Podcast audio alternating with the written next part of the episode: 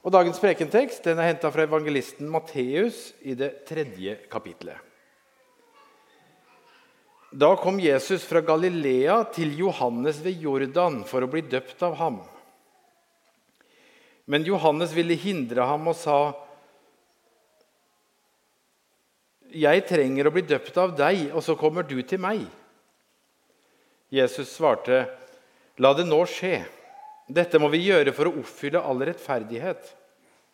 Da lot Johannes det skje.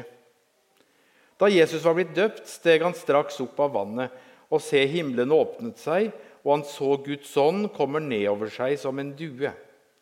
Og det lød en røst fra himmelen. Dette er min sønn, den elskede. I ham har jeg min glede.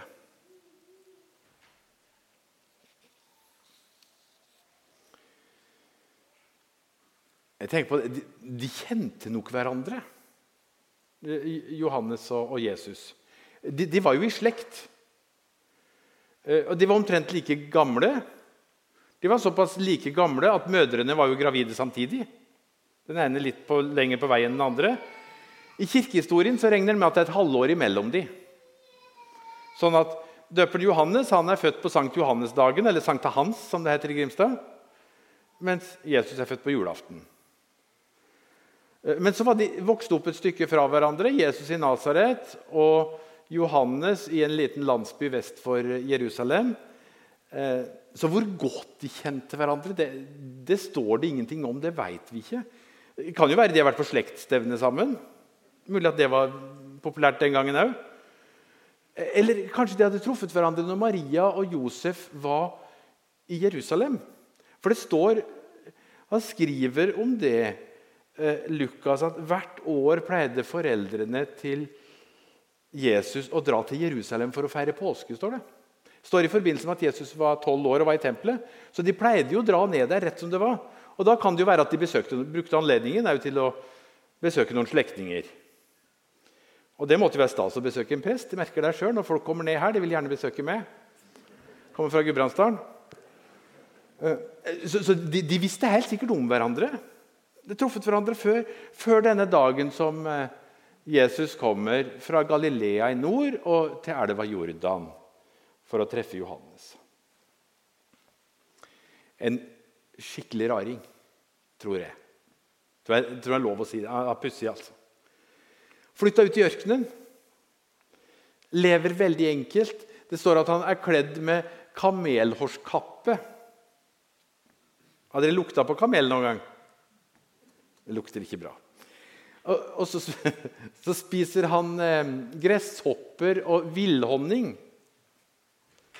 Jeg lurte på, Kanskje han, kanskje han var glutenfritt? Eller han er laktoseintolerant? Så velger han gresshopper. Jeg vet ikke. Men han er ikke helt aleine der ute. Jeg, jeg trodde, tenkte lenge at han er sikkert sitter der i ei hule og tenker. liksom. Men, men jeg tror ikke han er aleine. Han har disipler. Sånn som Jesus fikk etter hvert så hadde Johannes disipler. Og så kommer det masse folk og vil høre på han.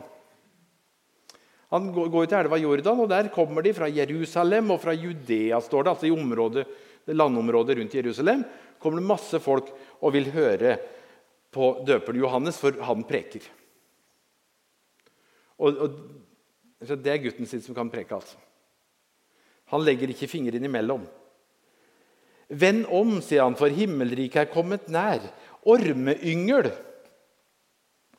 En annen måte å si Satans barn på. eller noe sånt, tenker jeg. Hvem har lært dere hvordan dere skal slippe unna den vreden som skal komme? Øksen ligger allerede ved roten av trærne. Hvert tre som ikke bærer god frukt, blir hugget ned og kastet på ilden. Sånn preker døperen Johannes. Dere må vende om, sier han. Og så begynner han å døpe folk. Og Gjennom denne dåpen så kunne folk komme, bekjenne sine synder og få sine synder tilgitt. Så det var som når du var skitten, så kunne du komme og få vaske det, og da kunne du bli rein. Sånn sier Gud det skal være, sier Johannes. Hvor har han dette med dåp fra, tror dere? Det var ikke så veldig mange kirker som praktiserte dåp den gangen. Det var ikke kirke i mils omkrets. Det var ikke kirker i det hele tatt. Hvor har han det med dåp fra? Det var noe Det er ikke noe han har funnet på av seg sjøl. I det gamle Israel så var det noe som de kalte proselyttdåp. Proselyttdåp. Noen av dere har sikkert hørt om det. Proselytter det var mennesker som i utgangspunktet ikke var jøder, men som veldig gjerne ville bli jøder. Det var folk som har funnet ut at jo, dette med jødisk tro og liv det har noe for seg. Jeg vil gjerne bli jøde. Og så gikk det altså an å bli jøde. Men da måtte du da gå igjennom en prosess. Gå igjennom noen ritualer. Og en av de tingene som du måtte igjennom, var et sånn renselsesbad. Et rituelt bad, eller dåp, om du vil. Og gjennom denne dåpen så blei du da del av et nytt folk. Så var du jøde. Han har nok noen tanker på dette, her, Johannes, når han begynner å døpe folk. Men så kommer han med en helt ny dåp. Og han inviterer ikke hedningene og sier at nå kan dere få lov til å bli jøder. Men han inviterer jødene til å bli døpt. Han sa at de trenger et bad. De trenger en renselse. De trenger tilgivelse for synd. Og For noen av dem så var det utrolig provoserende. En kjemperaring fra ørkenen. Hva i all verden er det han kommer med? Sier at vi skal vende om. Kjefter oss ut. Er dette nødvendig, da? Er ikke Vi gode noe? Vi er jo Guds utvalgte folk. Vi bor i det hellige land. Eh, hvorfor skal vi vende om og bli døpt? Her er det alt i orden. Det var nok ganske mange som tenkte sånn den gangen.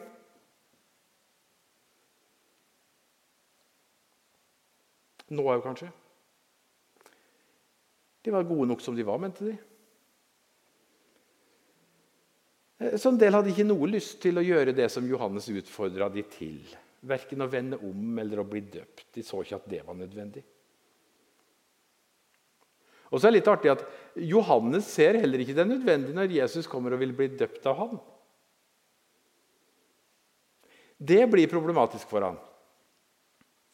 Det ser han ikke noe mening i.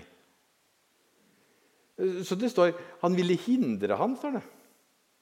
Han ville hindre Jesus i å bli døpt. Og det, det, det her jeg tenker at Johannes må ha hatt litt forkunnskap. Han må ha hørt om denne sønnen til Maria, som er født i Betlehem. Han som, han som det ble snakka om litt sånn du, vet, han er, ikke, han er ikke sønnen til Josef, han der. Han må ha hørt det. Han må ha hørt det av sin egen mor,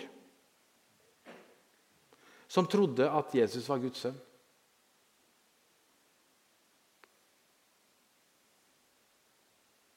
Det må være det tenker jeg, som gjør at, at, Johannes ikke har noe lyst til å døpe Jesus.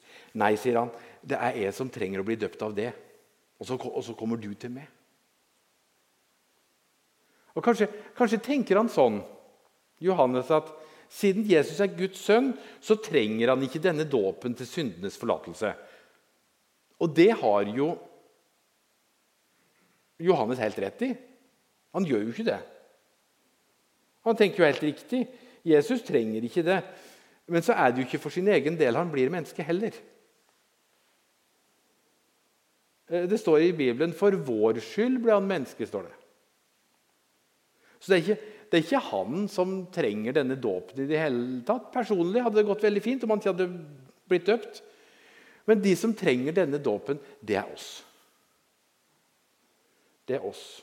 Og Derfor sier Jesus, 'La dette skje', for dette må vi gjøre for å oppfylle all rettferdighet. For dette skal til for at Jesus skal kunne fullføre sitt oppdrag. Han har en mission. Han er ikke kommet bare for å vise du verden hvor snill Gud er. du. Eh, han er ikke kommet bare for at han har lyst til å hilse på. Hyggelig å være her, liksom. For det er jo ikke noe hyggelig å være her for han. Han har en mission, han har et oppdrag, han har noe han skal ha gjort. Det er derfor han blir menneske. Og Det starter her ved Jordanelva denne dagen, og på en måte så er det akkurat det motsatte som skjer her, som det som skjer der. I løpefonden. Han som kommer der rein og uten skyld, han får på en måte tømt alle de syndene som er vaska av, over seg sjøl.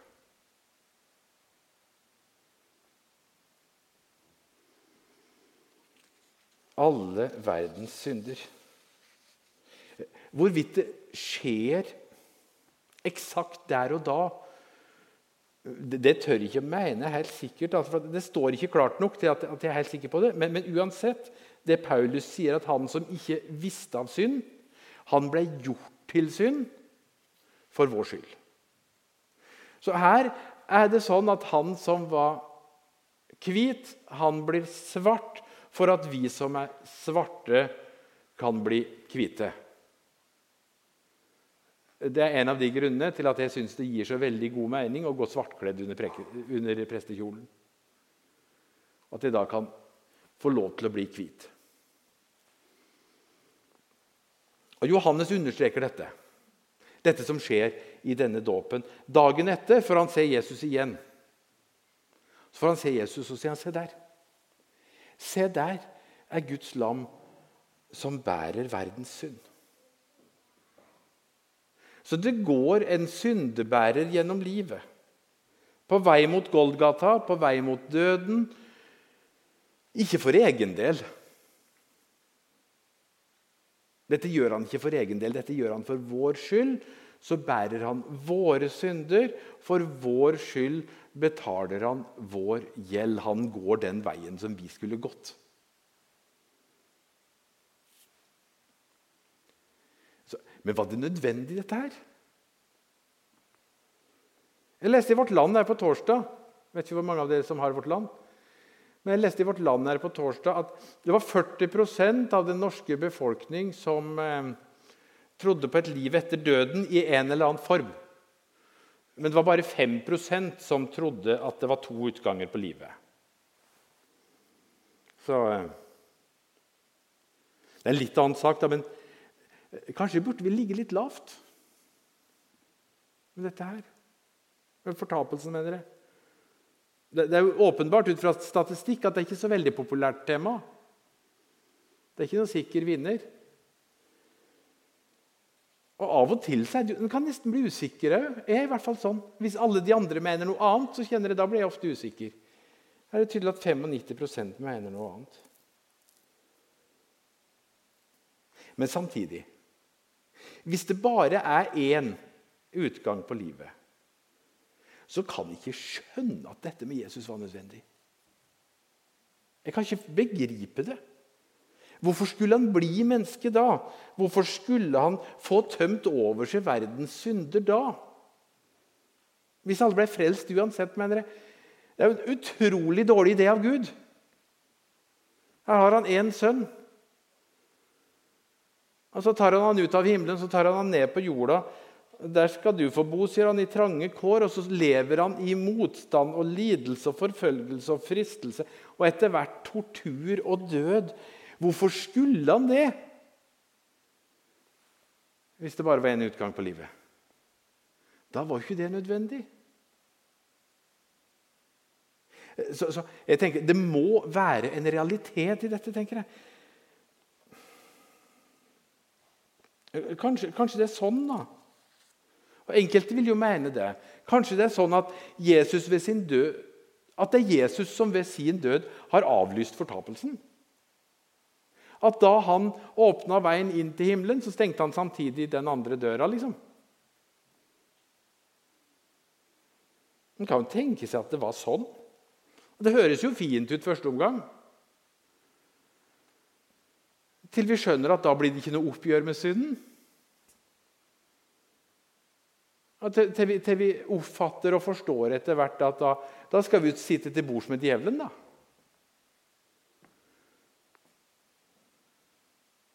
Da ender jo vi opp med å sitte sammen med overgriperne og terroristene og alle de andre synderne. nær sagt. Og uten oppgjør så blir, så blir jo himmelen en form for helvete. Hvis det ikke kommer til en oppgjør.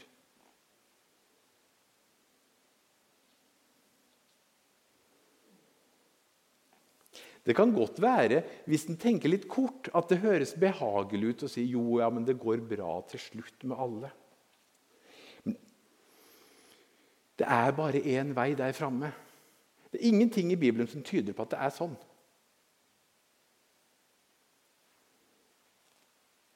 Og Når man begynner å tenke på konsekvensene, så, så klarer ikke heller å si jeg skulle ønske at det var sånn. Det begynner å ønske seg noe som er på tvers av Guds plan og vilje, det, det, det er ganske vidtrekkende. Jeg er glad for at det en gang kommer et oppgjør. Og at synden og ondskapen og lidelsen og døden skal vekk.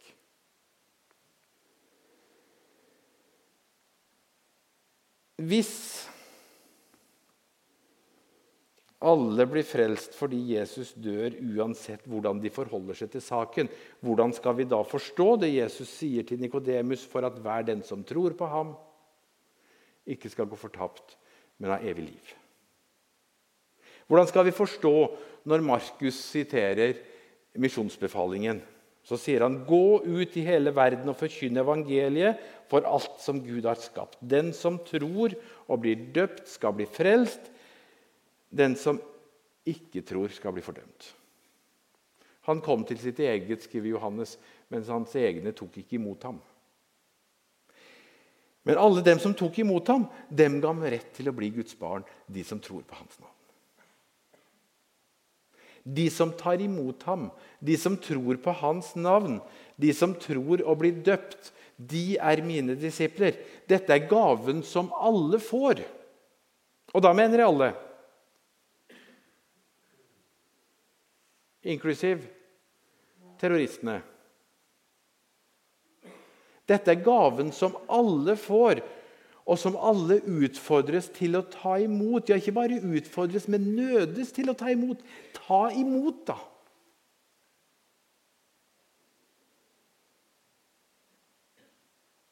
Det handler om å ta imot. Gaven er ikke din før du har tatt imot den. Og det er ikke så lett, det for oss som har hendene så fulle med mange ting. Det er jo så mye vi skulle hatt.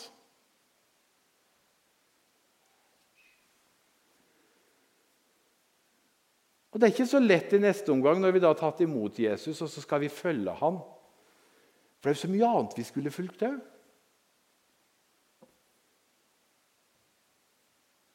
Vi kan miste han av syne selv om han har tatt imot.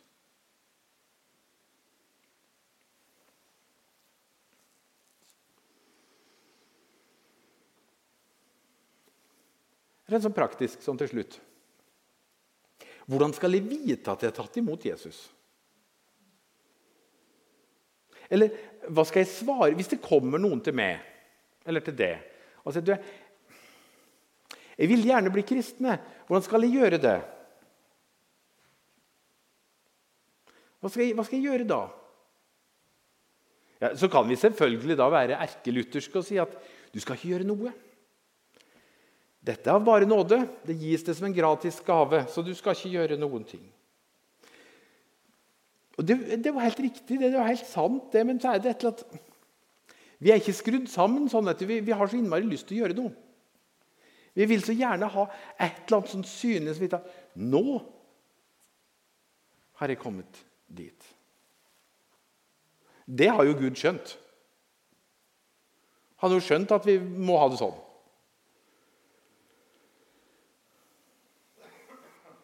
Derfor har han jo sagt at de som, hvis det kommer noen og sier 'Hvordan skal jeg bli frelst?' 'Hvordan skal jeg kunne vise at jeg tror på Jesus?' 'Jo, er du ikke døpt?' sier du. 'Nei, jeg er ikke døpt.' Ja, men da kan du bli døpt.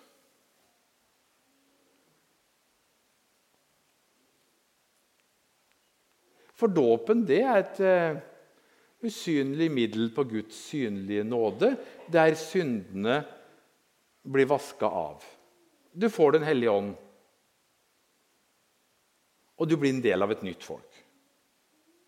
Ja, men sier han som vi snakker med, jeg er jo allerede døpt. Jeg husker ingenting av det. Jeg var jo bitte liten. Så, så Noen sier at kan døpe en gang til, da, men det er jo ikke noe mening i det. For dåpen er jo, det står i Bibelen én Herre, én tro, én dåp. Én Gud og alles far, står det. Så det er én dåp. Og Dåpen er ikke som melk. vet du. Den går ikke ut på dato. Den varer evig, den. Så jeg husker ikke min dåp. Jeg har en dåpsattest. Det står der.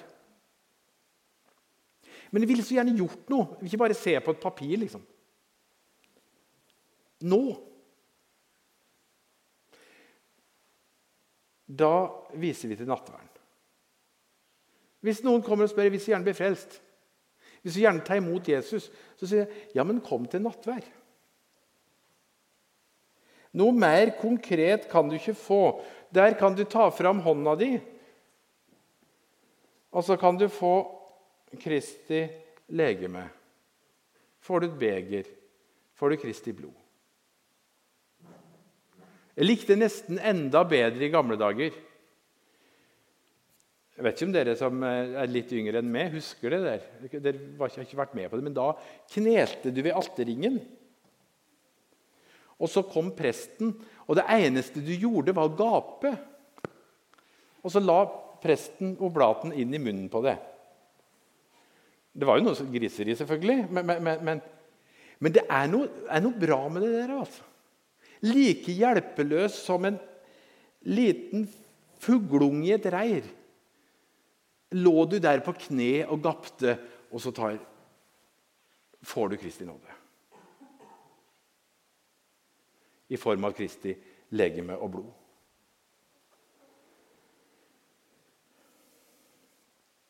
Legg merke til, hvis dere går til nattvær i dag Oblaten som er forma som ei mynt med krusifikset på. Kristus på korset. Han som betaler vår gjeld. Han som tok på han som bar våre synder gjennom livet og gjennom døden. Og som overvinner døden, og som gir oss livet. Og etter nattverden så får vi høre den korsfestede. Og oppstandende Jesus Kristus har nå gitt oss sitt legeme og blod, som han ga til soning for alle våre synder. Må Han styrke oss og holde oss oppe i en sann tro til det evige liv.